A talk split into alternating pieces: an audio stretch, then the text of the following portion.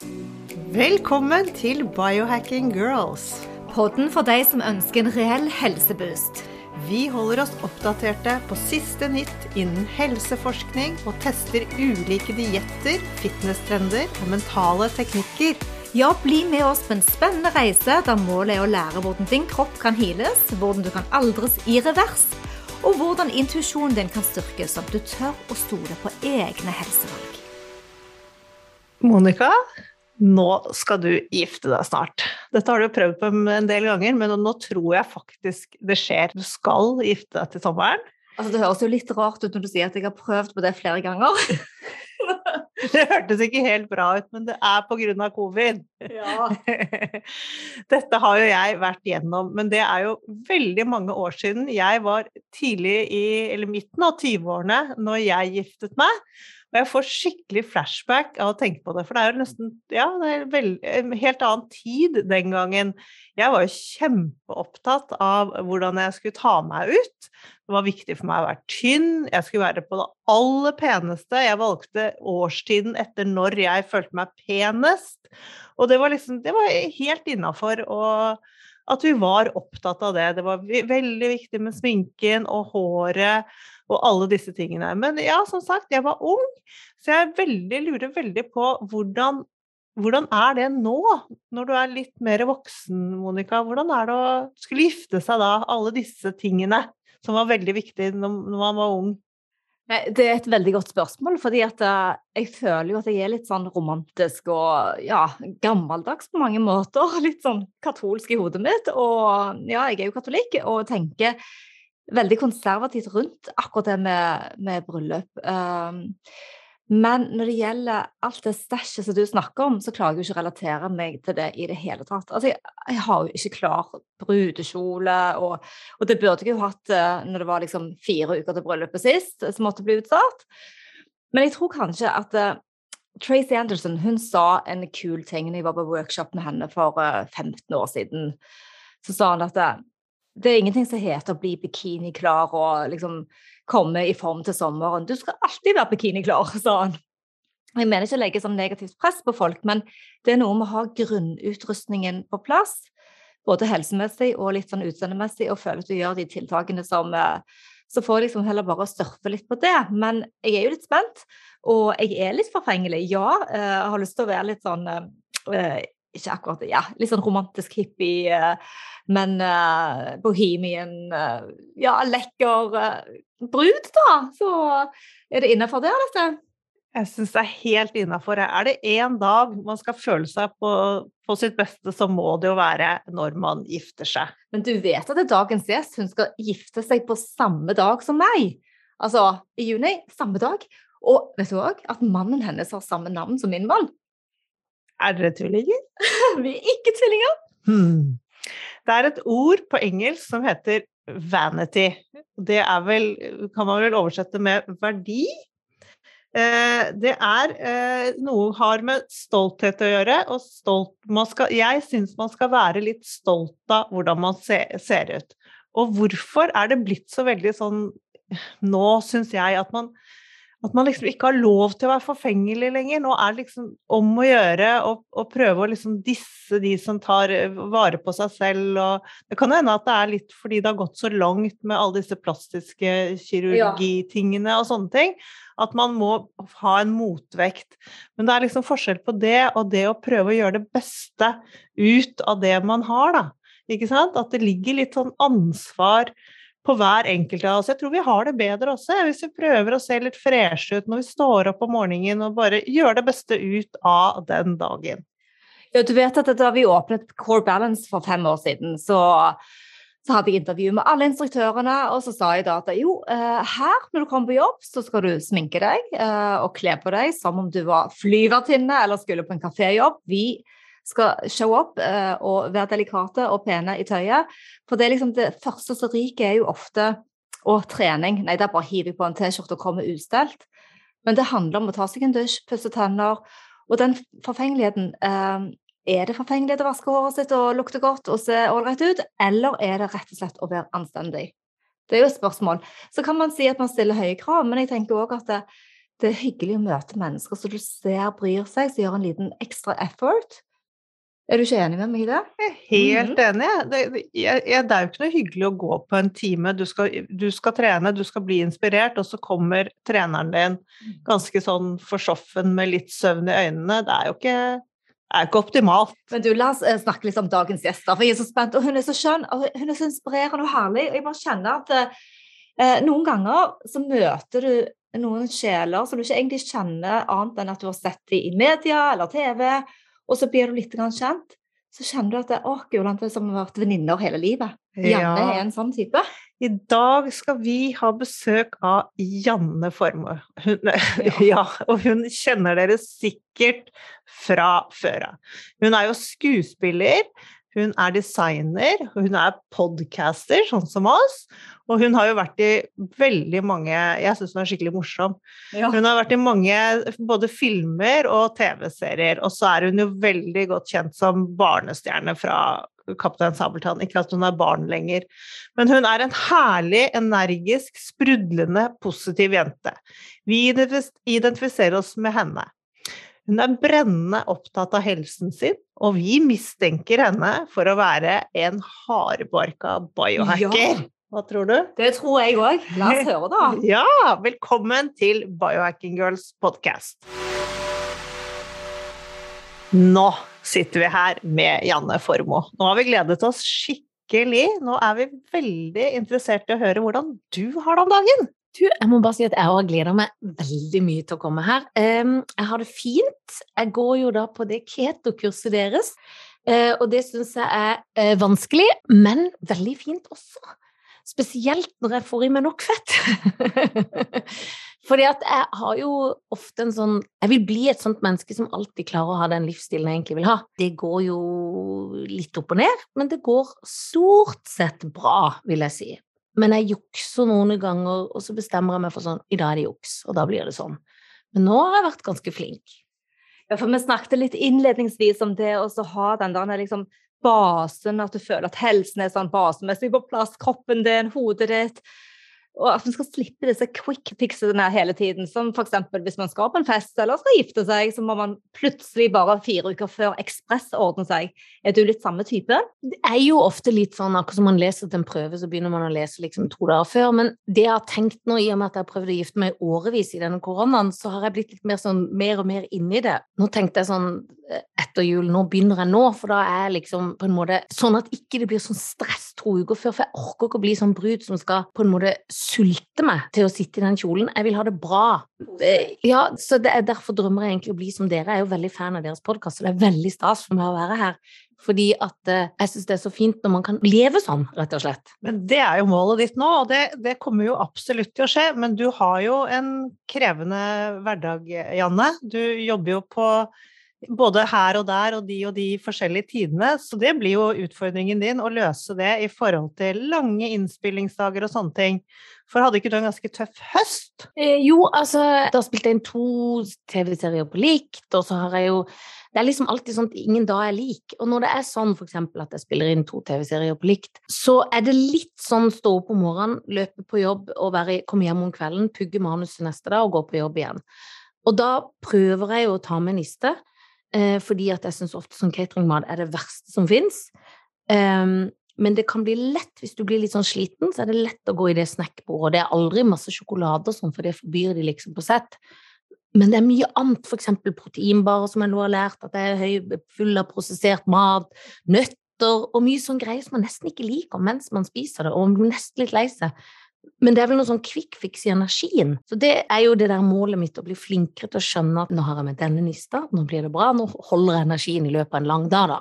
Og der er du inne på det viktigste når det gjelder liksom sånn type suksesshistorier, fordi at eh, hjernen snakker til eget språk når man har lavt blodsukker. Og da tror man bare Man tror sukker, man tror eh, prosessert mat, man tror alt dette. Men så er det det, hvis du tar litt saltkorn i munnen din, så plutselig så får du en tilfredsstillelse ganske akutt eller den sellerien da, som ser veldig lite fristende ut i forhold til. Så man må bare avlære litt. Grann. Ja, og så er det det med periodisk faste, som jeg har drevet med en stund. Men av og til, f.eks. når jeg gjør uh, TV-serier, så spiser jeg kanskje rett før vi går på opptak, fordi jeg kommer der så tidlig at jeg orker liksom ikke å spise frokost. Men da kan jeg bli litt sånn Å, guri, tenk hvis jeg blir sulten. At jeg liksom pålærer hjernen at nå må jeg spise igjen. Men jeg prøver å vente til sult Altså, ja, nå surrer jeg det litt til, men hvis jeg skjønner hva jeg mener, at det er lett å tenke fordi det er en lang dag, eller lett å liksom ikke få planlagt, men fordi periodisk faste for eksempel syns jeg er glimrende. Det hjelper til at jeg nesten ikke har så cravings på en eller annen måte. Kan det stemme, eller er det noe jeg innbiller meg? Det stemmer absolutt. Du er veldig inne på noe der. For det første så får du frigitt hjernen din fra det derre som du sa, du gruer deg til at du skal bli sulten. Fordi når du klarer dette med periodisk faste og får i deg nok av dette fettet, så vil du ikke bli sulten. Og da vil du også glemme dette med mat. Og heller da kanskje du bare spiser to måltider, så vil du da kunne nyte de måltidene på en helt annen måte, og du slipper akkurat det som du snakket om med å ja, at du blir sånn 'Å, gud, tenk om jeg blir sulten midt i et opptak, hva skal jeg gjøre da?' For det kommer ikke til å skje. Så, sånn i forhold til din jobb, så er jo dette med periodisk faste helt glimrende, faktisk. Altså, jeg tror at det er veldig mange som jobber på sett og på film, særlig ute i Amerika der, da. De gjør det samme med periodisk faste. Men du Janne, nå er du da ja, en måned, og du er snart ferdig med kurset vårt, så du står jo egentlig på egne ben snart.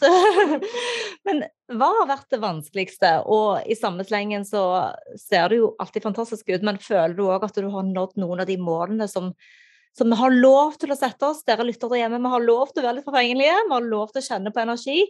Har du nådd noen av de målene? Ja, eh, absolutt. Altså, det, et av målene er jo rett og slett var å lære mer om hvordan jeg gjør det. For jeg kan bli litt sånn eh, Jeg har alltid tenkt og prøvd keto før og tenkt sånn det er noe for meg. Det tror jeg er veldig sunn og fin måte å leve på. Men så er det det der ja, men hvor mye fett var det? Og så blir man på en eller annen måte kanskje litt fett Eller jeg har vært litt sånn gjerrig på fettet før, da. Fordi at jeg har eh, trodd at det var mindre enn det var. Og så når jeg har gått på deres kurs, har jeg skjønt at nei, det er egentlig ganske mye mer fett som skal til. Eh, fordi før når jeg har tatt for lite fett, f.eks., så har den der cravinga kommet. Fordi at, og det vet jeg ikke alltid om sitter i hjernen eller i hjertet, holdt jeg på å si, ikke hjertet, men for noen ganger er det innbilt craving. Så skjønner du at bare jeg er vant til å tenke sånn, nå går jeg oppi her litt og ser hva som er i denne gøye skuffen. Um, selv om jeg kanskje ikke nesten har lyst på det, så kan jeg kjenne at hjernen styrer meg, eller noe annet styrer meg. Men nå når jeg får i meg det nok fettet, da, og ikke at jeg har vært så redd for det, men kanskje det ligger bare i oss, så har jeg det mye, mye bedre. Og så ser jeg alltid på noe når jeg får i meg sukker eller ikke. Så merker jeg det veldig på øyelokk. Jeg merker det på hele ansiktet, som kanskje ikke folk kan se umiddelbart, som liksom ikke ser inn i mitt ansikt hver dag på den måten som jeg gjør, for man ser jo seg sjøl på en annen måte og kjenner liksom hver krinkel og krok. Men det er alltid noen sånn deilig følelse. Og så har jeg jo litt sånn maveproblematikk. Jeg har SIBO og jeg kan ha veldig sånn forstoppa mave og veldig trøblete. Og det kan være slitsomt også på et sett, fordi at det alltid går med liksom konstant plager.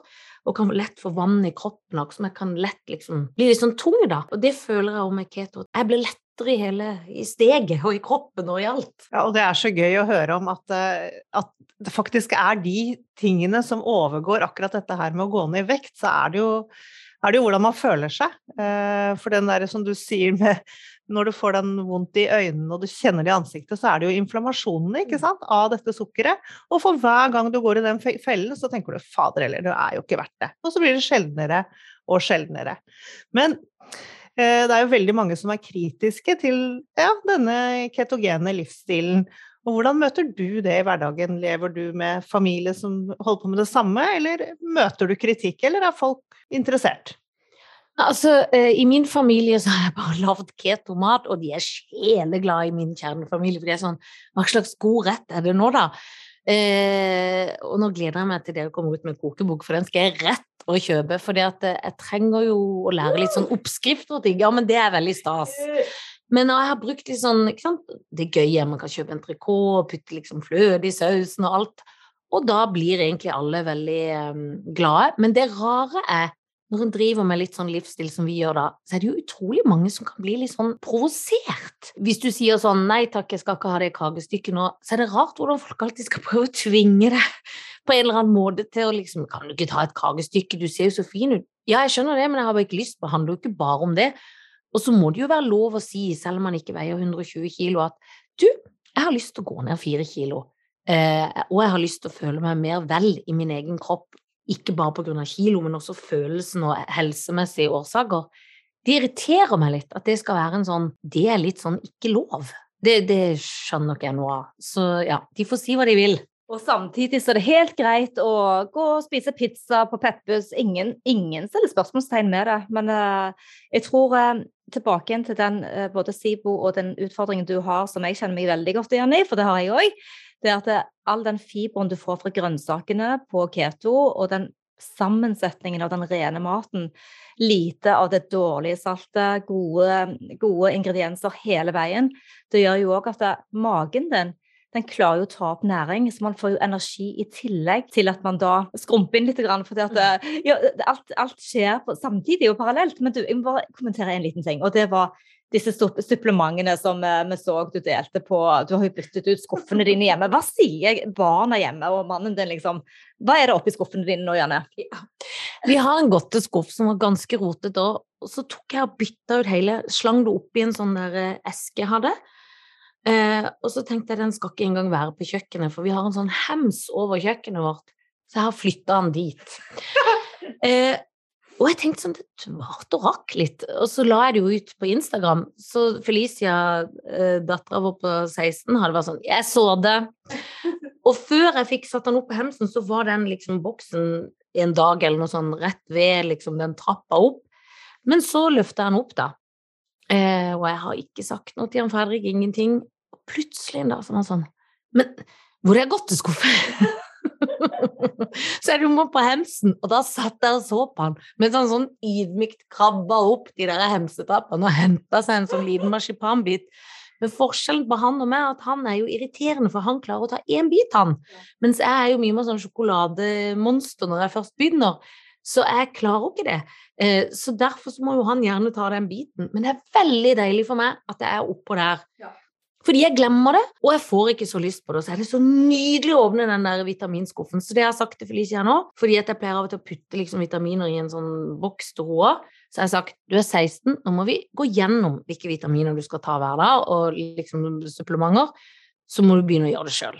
Fordi hvis ikke jeg husker det, så glemmer hun det. Uh, og det kan liksom bekymre meg litt, for jeg tenker sånn Du må ha omega-3, du må ha alle de der gode tingene som jeg nå har lært eh, mye takket være å høre på dere òg, men det er veldig viktig, for ja, det gjør jo noe med alt. Men jeg er veldig interessert i hva du har av supplementer, jeg, Janne. Hva har du oppi skuffen? Hva tar du? Altså, jeg har sikkert litt for mye òg, for det er ikke alt jeg bruker. Men jeg tar gurkemeie, og så tar jeg en sånn råmelk som Monica vet hva heter. Fordi at, ja, fordi når jeg har hørt på dere, så har jo jeg gått til Jarl, da, som dere hadde som gjest. Eh, fordi han kan sagaene sine, og da fikk jeg det. Og så tar jeg noe sånn magnesiumgreier på kvelden. Og så har jeg de Juxibu, noen sånne som jeg tar litt sånn hist og pist, eh, fordi jeg glemmer det litt. Eh, jeg tar av og til litt jod, og så tar jeg den multivitamin én eller to. For først hadde jeg to, så trodde jeg det var én man skulle ta, og nå har, så jeg har den begge. Men det er jo den multivitamin to, two per day. Mm -hmm. Den tar jeg. Og så har jeg akkurat bestilt deres omega um, nye fra BioChoice. Så den, den har jeg ikke åpna ennå, for den kom henta jeg vel i går eller noe sånt. Og da er et spørsmål om den skal i kjøleskapet når den er åpna. Ja, ja, ja, veldig viktig. For det, det kan jeg være, glemme litt i, Jeg kan komme på sånn Nei, nå tok jeg det ikke! Um, det er ikke sånn at man mottar dem med mat, eller bør man helst det? Nei, den blir du ikke kvalm av. Nei, så bra. Og så lurer jeg på, for der er det jo D-vitamin, og det er det vel i den tur på deg òg. For før har jeg tatt litt ekstra D-vitamin, men man skal jo ikke dytte i seg for mye heller. Bør man det, da? I den omega-3-en som vi har utviklet, så er det lite D-vitamin. Det, det, bare støtter, men det er langt under det du skal ha. Så du, kan trygt ta den two per day. I tillegg. Fordi at den D-vitaminen i omega-3-en den vil bare hjelpe opptaket av omega-3. Så bra at du har en superfin biohacking-skuffe. Vi er veldig fornøyd med deg. Å, så bra. Ja.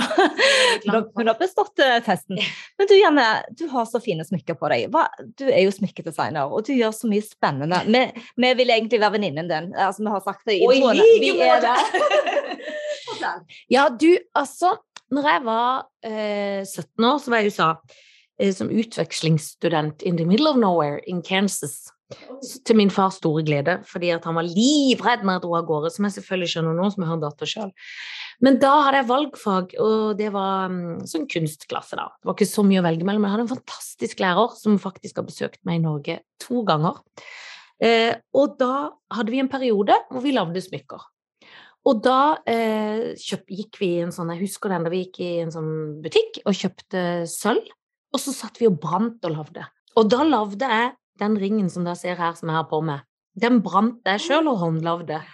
Jo, og så tenkte jeg sånn, guri, og da visste jeg jo at jeg drømte om å bli skuespiller, og så tenkte jeg sånn, hvis ikke jeg klarer det, så skal jeg bli rett og slett gullsmed. Og så ble jeg jo skuespiller da, og så var jeg konferansier for et uh, smykkefirma som heter Pan Jewelry. Og så sa jeg sånn Jeg er veldig veldig glad i smykker. Har alltid gått mye med smykker. Det sier jeg dere i råd. Lenger merket til med en gang. Det var veldig fint. Og så um, spurte de etter hvert om jeg ville designe min egen kolleksjon. Og da sa jeg det ville jeg, men da må det også være sånn at jeg får lov å designe. Jeg kan, jeg kan ikke liksom bare sette navnet mitt på. Det orker jeg ikke. Så jeg er med i hele prosessen. Og så er jeg veldig glad i symboler og ting som har mening. For for meg har det vært litt sånn eh, Hvis jeg skulle f.eks. på en audition da jeg var yngre, så tenkte jeg sånn Nå tar jeg på meg det smykket av mormor, eller det jeg har fått sånn, for det gir meg kraft, liksom. Så derfor syns jeg det er veldig gøy. Noen av smykkene, sånn som disse, er jo selvfølgelig ren og skjær pynt med strass, og det er òg veldig deilig, for jeg er veldig glad i å pynte med. Men det er også fint med noe som kan være en symbolikk. For eksempel i dag har jeg på meg et nytt armbånd som er her, og her står det med veldig liten skrift, for skrift på smykker kan jo være vanskelig, det kan bli harry. Her står det Femina Propia S, og det betyr Vær din egen dame, for det har min pappa alltid sagt til meg. Og det tenker jeg sånn, tenk å gi det til en venninne eller en datter, eller liksom Ja. Så det syns jeg er veldig, veldig gøy, da. Så må jeg bare si at denne ringen har vi jo lagd opp igjen, da, så den er jo ikke den jeg hadde da jeg var 17, men det er Så det er en gave å få lov å være kreativ på den måten. Så det er jeg så glad for. Du, det er fantastisk, eh, fordi at eh, det er jo lett at man bare går og kjøper noe, eh, ja, og ikke tenker så mye over symbolverdien. Men jeg har inntrykk av at mange gir pansmykker til konfirmasjoner og ja, i forskjellige anledninger. Det har jeg fått inntrykk av det er jo nettopp pga. budskapet ditt. Men du har kanskje en liten spirituell side du da, Janne? Ja, bitte litt. Altså, jeg er litt sånn overtroisk og glad i liksom Jo, jeg tror egentlig jeg har det, altså. Eh, jeg har jo også en touch av Jesus hjerte, selvfølgelig, siden jeg er fra Kristiansand. Ja, ja, det må man ha når man er fra bibelbeltet sjøl. Eh, og det syns jeg er fint. Og så er jeg litt sånn, jeg tenker at det er mer mellom himmel og jord. Jeg, jeg føler ting er litt sånn kraft. Jeg vet ikke om det er teaterbakgrunn eller hva det er, men jo. Så har jeg med en gave til dere. Disse kom med posten i går. Jeg har ikke rekt å ta på kjedene på smykkene. Jeg kjøpte, eller jeg tok med like, da, for det var jo ikke urettferdig. Og jeg visste jo ikke helt stilen, men disse er da nye. Oi, vi elsker Gud, så fine! Og vi elsker å være like. Ja, det, det ligner på ringen. Du, så fine de var. Og vi elsker gull. Vi elsker ja. det som er gult, faktisk. Det, at, um, det kler de blonde jentene som er. Gud, så fin. Men du, Janne, du må fortelle lytterne våre hvor de kan uh, få tak i dette her, for dette, her, dette vil folk ha. Ja, altså det som er gaven med det, er jo, som jeg syns er bra, er at det er, siden det er forgylt sølv, så tre, altså, Det koster jo selvfølgelig, men noe kan du liksom nesten kjøpe til deg sjøl eller venninnegave eller spleise flere venninner og sånn. Du kan få det på Enten kan du gå inn på Pan Jewelry på nett, men du kan også gå på de fleste gullfunnbutikker, eller alle gullfunn har det. Og så er det også uavhengige gullsmeder rundt i landet som ikke jeg liksom kan alle navn på, men da må man bare nesten gå inn på sin lokale gullsmed og spørre om de har jammenformsmykker. Uh, har, dette, ja. har dette smykket navn? Dette smykket har egentlig ikke et navn, men nå kan det hete Biohack Girls, for dere er de første som får det, for jeg henta det i går, så da er det for uh, Rett og slett fått et navn nå? Ja, nå har du fått et navn. Men du, og det tenker jeg var veldig fint, for når jeg ser på denne sirkelen her, så får jeg assosiasjoner til både sol og måne, og de sterke elementene som er ute, og vi har jo helst lyst til å fylle på med negative ioner fra havet når vi bader, og få strålene fra solen og være på sanden. Så jeg fikk en veldig sånn jeg fikk en sånn naturfølelse med en touch av eh, sofistikerthet og eleganse. Tusen takk, Janne. Tusen, tusen takk. Du, altså For et utrolig fint Det er det fineste beskrivelsen jeg har fått et smykke noen gang. Tusen takk. Kan bare bruke det. Ja, det skal jeg gjøre. Hva skjer i filmverdenen nå, og TV-jobbene dine? Nei, altså, Jeg skulle egentlig hatt premiere på en film som jeg har fått være så heldig å spille hovedrollen i Så jeg gleder meg så til det. Det skulle ha premiere nå i februar, og den heter Jentetur. Og det var liksom Vi tenkte sånn, da åpner verden. Endelig skal folk gå på jentegjengen på kino og se på noe gøyal underholdning som er liksom, ja både gøyal, men det handler jo om en nyskilt dame som er ganske destruktiv og lei seg, men det skjer mye gøy. Men pga. pandemien da, så må dessverre den kinopremieren utsettes, så den eh, kommer da ikke før til høsten engang. Så sånn er det. Men nå, akkurat nå holder jeg på med av alle ting, jeg gjør jo så mye rart, Kongen befaler. Så jeg skal dra nå eh, om kort tid til Drammen og være i studio der og spille inn med alle deltakerne. Og Kongen befaler er jo et tøyseprogram hvor man får rare, vonde oppgaver som vi har allerede spilt inn i et hus Kongen er liksom Atle Antonsen som gir deg oppgaver. Og det er sånn Det kan være eksempel kast denne tingen fort i bøtta, tida begynner nå, så skjønner du ikke om det er lureri. Eller du, alt er sånn siste kast gjelder, og så blir du lurt. Så, er, ja. så, du virker som en idiot. Det høres veldig rart ut, men det er populært blant ungdommer og ja, flere forskjellige. Så det er det jeg holder på med. Så det er jo en absurd uh, Jeg har jo en absurd jobb, for da er det sånn gå og tenke på de oppgavene og prøve å finne noe gøyalt i studio og sånn. Ja. Og så skriver jeg, rett og slett. Hva, hva, skriver du? Fortell om boken eller det du holder på med. Nei, du, jeg skriver Jeg har et mål om å lage en uh, forestilling. Tone One Woman Show. Det har jeg sagt litt for lenge, da, men uh, det holder jeg på med da. Og da må jeg jo presse meg sjøl litt til å skrive, og ikke bare gå på kafé eller gjøre andre ting. Så eh, det skal jo være morsomt, men jeg vil også at det skal ha liksom et slags budskap om at eh, selv om livet butter, eh, så er det ikke så farlig. Det går bra, som regel. Og at jeg tror jeg er en person med ganske mye sjølironi, så jeg bruker vel det i liksom min humorverden. Jeg syns det er gøy å tulle med meg sjøl enn med andre.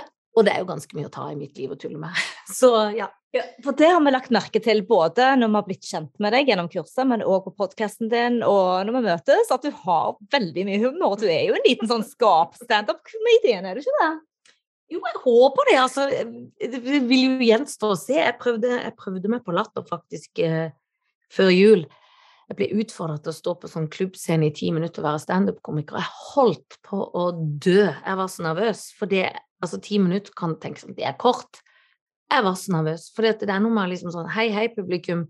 Dere er her kun for å bli underholdt. Nå har jeg skrevet noe ræl hjemme. Funker det, eller funker det ikke? Og de er jo nådeløse. Det gikk bra. Eh, den første kvelden kjente jeg at jeg hadde forbedringspotensial, så jeg gikk hjem og skrev noe mer. Og, så, og det er liksom en skikkelig beinhard øvelse, da, for det er publikum sier fra. Men de lo heldigvis litt, da.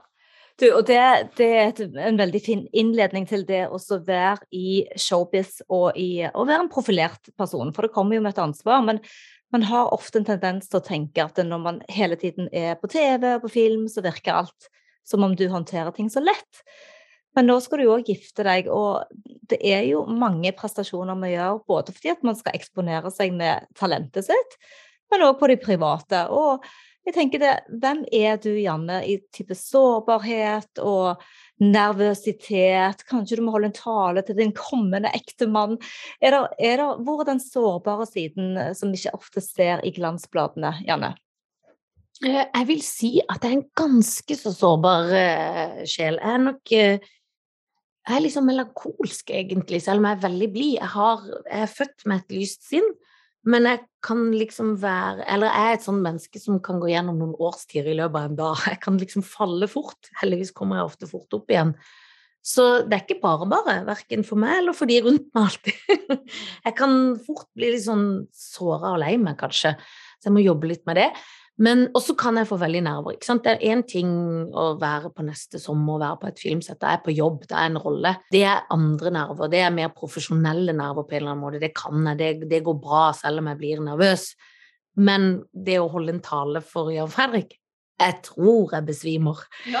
Men, og jeg har tenkt på det så lenge, du vet sikkert sjøl, som ja. sikkert planlegger det samme. Ja.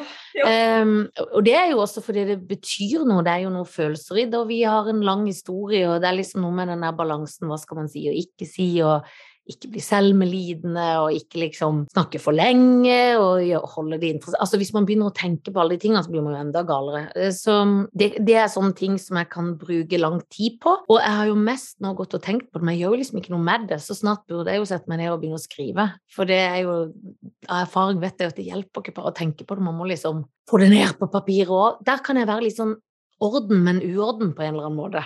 Men når det først gjelder, så pleier det vel å gå greit, og kanskje jeg også da blir litt sånn vimsete i det, eller at jeg har en plan, men så kanskje jeg gjør noe annet, for jeg skjønner at dette var gøyere, eller det går den veien. Men det er jo også fordi triks er jo da at man har forberedt seg så godt at man akkurat kan gjøre det, fordi at hvis man kan det så bra, eller kjenner det under huden, så kan man ta noen snarveier fordi man kjenner at det er riktig nå.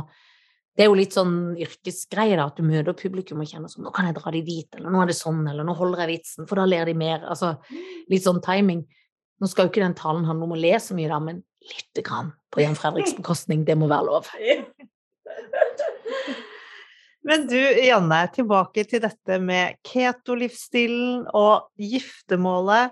Det er jo faktisk en stund til, og innen den tid så håper jeg denne livsstilen sitter under huden din, og at det blir noe som du vil fortsette med.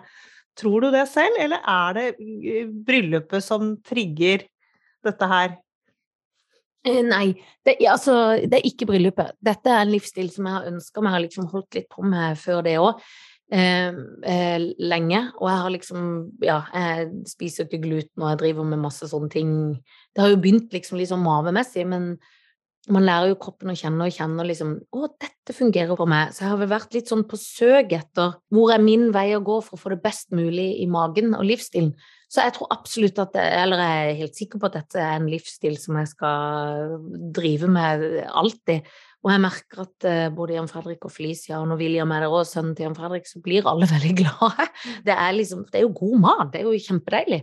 Uh, så jeg tror ikke Dette er ikke sånn Nå holder jeg på med i dette kurset i tre uker. Jeg ville gå på deres kurs fordi at jeg ville lære hvordan det er, og så var det så fine på alle kurs eller ting man begynner med, så blir man jo veldig overvelda på en eller annen måte, for alt er nytt, og så vil man få til med en gang.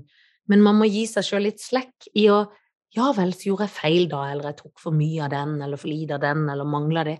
Det går jo bra, for det, da gjør man det bedre neste gang. Det er jo den eneste måten å lære på. Så dette er en livsstil som jeg kommer for å bli. Eh, men ved siden av dette, eh, trener du? Er du aktiv? Har du noen sånne ting i biohacking-hverdagen din? Ja. Ja, jeg trener Jeg trener vel sånn tre til fire Nei, fire til fem, vil jeg si, når det er på sitt beste, ganger i uka. Jeg begynner hver morgen med å trene før frokost. Det har jeg gjort i mange år. Så jeg trener to ganger i uka med en PT som slenger meg rundt med kettlebells og vekter og alt. Og han er veldig sånn fin fyr, for han er sånn Han er jo en personlig trener, men han mediterer, han er på sånn stille retreat, så han har liksom det der litt sånn åndelig Altså, han har forståelsen, han er veldig menneske Han er veldig sånn Ja, jeg liker godt å både prate med han og liksom være i hans nærvær på trening, for han er så god til å gjøre det på en eh, fin måte. Og så løper jeg mye med ei venninne. Eh, nå blir det mye mølle, men vi elsker å løpe ute, og da har vi ofte bading òg på agendaen. Så det kan vi jo egentlig begynne med snart. Dere er jo sikkert veldig gode til å bade i isvann. Det er faktisk gode, så der er jeg litt pysete. Eh, og så har jeg nå meldt meg på yogakurs. For er det én ting jeg trenger, så er det å bli eh, litt mer eh, mobil. For det å trene vekter er jo i og for seg bra, det, men jeg trenger å strekke. Jeg er stiv som en stokk. Jeg prøver å tøye og bøye litt. Eh, og så har jeg jo veldig lyst til å prøve å komme og trene. Ja, det har jeg skikkelig lyst til. Fordi eh, det ser så bra trening ut. Jeg fortalte det til PT-en min i dag, for jeg var hos han i dag morges, og da sa han ja, ja, det har jeg hørt om, jeg har hørt om core balance og alt. Så, så det gjør jeg. Eh, og så er det perioder hvor jeg mm, filmer mye hvor jeg ikke har trent så mye, og det hater jeg. Og jeg blir litt surere av det. Ja. Og vet du hva, kroppen vår trenger den der kontinuiteten. Men siden du får snakke om trening og, og rutinene på det, så, så syns vi òg det er spennende å høre om dine morgenrutiner. For vi, vi, er veldig opptatt av, til alle dere som da føler at biohacking kan være litt for teknisk, så er det bare det å i alle fall få begynt med rutiner på morgen og på kveld. Er det tre gode morgenrutiner, altså nå har du sagt trening, som du kunne bare tipse oss på, mm. så du gjør da?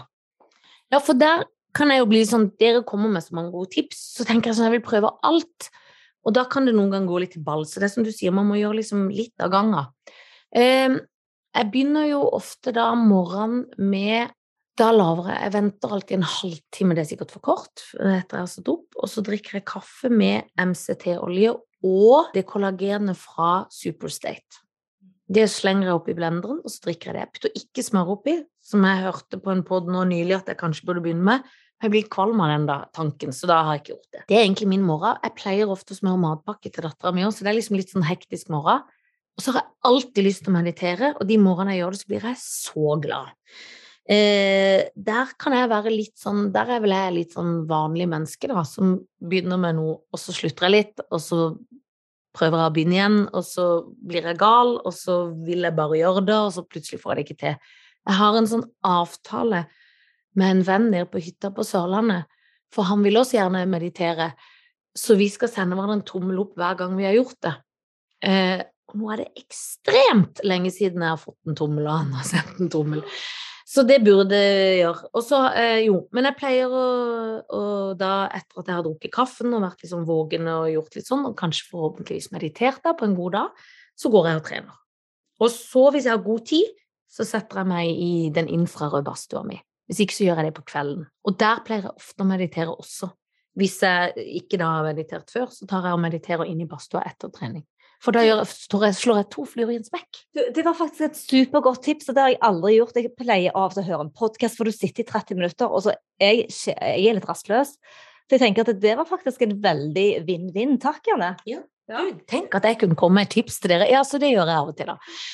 Og så er det vel da å dusje og kle seg og ta på 300 smykker, som jeg er glad i, ja, som veier noe. Og så er det å gå ut i verden på en eller annen jobb som er alt fra det alt, Ja, det kan jo være så mangt. Men um, jeg lurer jo sånn på der er jeg litt feig. For for eksempel det å dusje i kaldt og varmt vann. Det har jeg lyst til å bli en sånn som gjør. Det gjør jo dere. Da bare liksom gjør jeg det ikke, og så tenker jeg sånn når jeg går inn i dusjen Nå skal jeg begynne med det. Nei, jeg tar det neste gang. Jeg er litt redd for kulde. Hvordan kan jeg liksom få til å få inn noen flere biohacks som er bra? Jeg kjenner meg så igjen med det å være redd for kulde, eh, for å si det sånn. Det har vært mitt store problem òg, og, og, jeg er en sånn person som da gjør akkurat det samme. Nei, tar det til uken. Venter, venter. Men så bestemte jeg meg for at eh, dette her er jo bare tull. Dette sitter kun oppi mitt hode. Eh, at jeg har sagt til meg selv at jeg er en som ikke liker kulde, ikke liker vinter, og så bor jeg i Norge. Du må rett og slett bare ta for deg av den kulden, har jeg skjønt. Og for det første så har jeg fått et bedre eh, avslappet forhold til vinter generelt. Og så begynte jeg jo kjempekort. Hvor, hvor mye var jeg nedi det vannet? Nei, det var to Altså, du var ned og opp. Jeg var oppe, det var så vidt jeg var våt. Ikke sant? Og så, og så, og så lærte man seg det der med pusten. Og ta det rolig. Og så syns jeg jo faktisk Jeg synes faktisk dusjingen er lettere ja. enn å gå i sjøen. Ja. Uh, og for da kan du liksom stå, og så kan du telle litt. Og i begynnelsen så telte jeg til fem, og så tenkte jeg dagen etter teller jeg til seks. Og nå men, kan jeg liksom stå lenge. Men da hvis du begynner med varm, da, så sier du begynner med varm dusj i kanskje 20-30 sekunder, så skrur du bare helt over i noen sekunder på kaldt, så alternerer du sånn. Og så sier du gjør det i ett minutt, og du har fått en tre-fem sekunder med kaldt vann, så har du i alle fall kommet litt kjent på det. Ja, det, dette var bra, for eh, eh, nå skjønte jeg liksom prinsippet i dusjen. For det er den dusjen som jeg nesten Jeg har I fjor bada i januar og alt ute i sjøen. Det var jo sånn ned og opp, som du sier, Alette. Men, men det er den der dusjinga som blir sånn når du kommer inn på morgenen og er sånn varm fra senga. Så, nei, men nå Jeg kan begynne med varmt, telle telle meg inn. For det er jo noe deilig i det, liksom. Når jeg har vært på hytta i sommer, da bader man jo i selvfølgelig mye bedre temperatur. Men da tenkte jeg mye på sånn grounding og sånne ting, som jeg kan savne litt nå, fordi at det er ikke så lett å gå barbeint på isholka. så det får jeg ikke gjort så mye. Men det er jo ikke akkurat et biohack. Men det hjelper vel litt at en titt og ofte er ute med den hunden. Det er jo ingen andre i familien som gjør det, så og det er absolutt det å få det første morgenlyset og komme seg ut. For den hunden han venter ikke til du er klar, den vil ut på morgenen. Så det, det altså, sånn sett, eh, jeg orker ikke å ha hund selv. Men du kan jo fortelle henne om grounding-tipsene til vinteren, hva vi kan gjøre inne. Ja, det kan du gjøre, Lette. Vi lærte nemlig nå at det å ha Altså, det er helt magisk. Ha planter Og så istedenfor at du går ut barbent, så setter du hendene dine i jorden i plantene, og gjerne ansiktet ned i bladene, og bare står der. Bare prøv, urtene eller noe sånt. bare prøv det. Det er magisk. Og så bare lukte, og så takknemlighet. Så må du si en liten takknemlighetssetning til de, at du er takknemlig for eh, blomsten. Og det er jo fantastisk! Da vet jeg akkurat hvilken plante, pluss at jeg har terrasse. Og der har jeg noe grønne. Den jorda der er kanskje litt frossen, Ja. men inni planten Ja, fordi at det er sånn Da kan jeg gå og tenke på det, og så har jeg liksom ikke noe løsning, så da blir det ikke noe med noe. Og har jeg noen andre Jeg har jo egentlig noen spørsmål òg.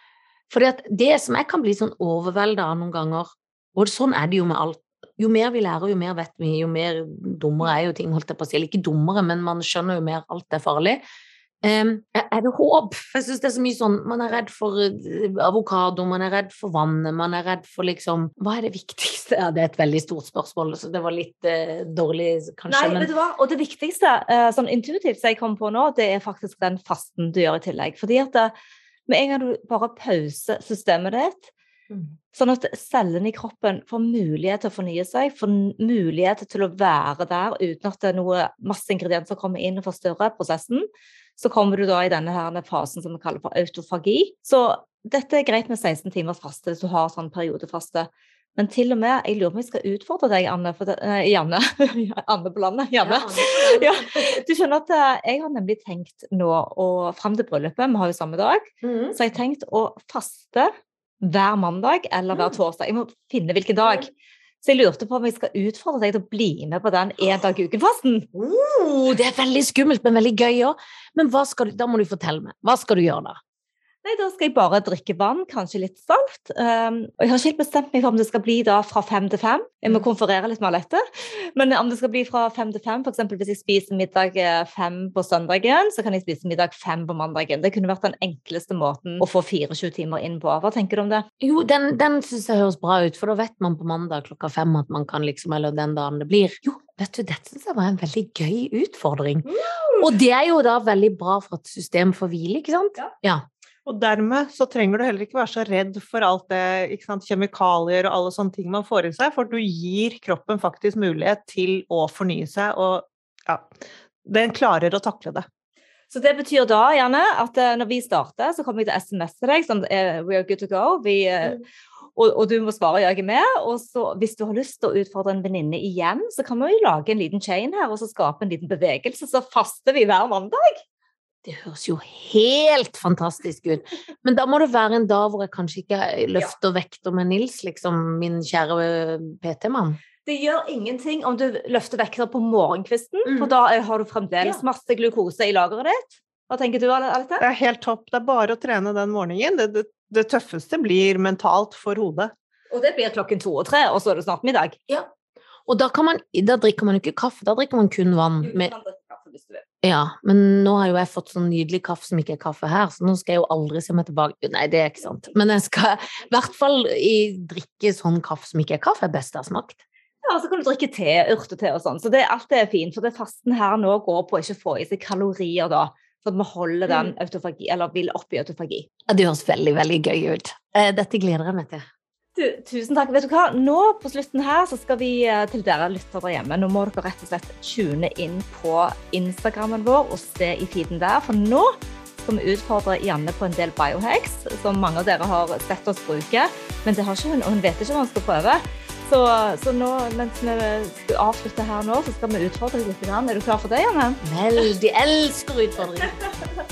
Da sier vi bare happy biohacking!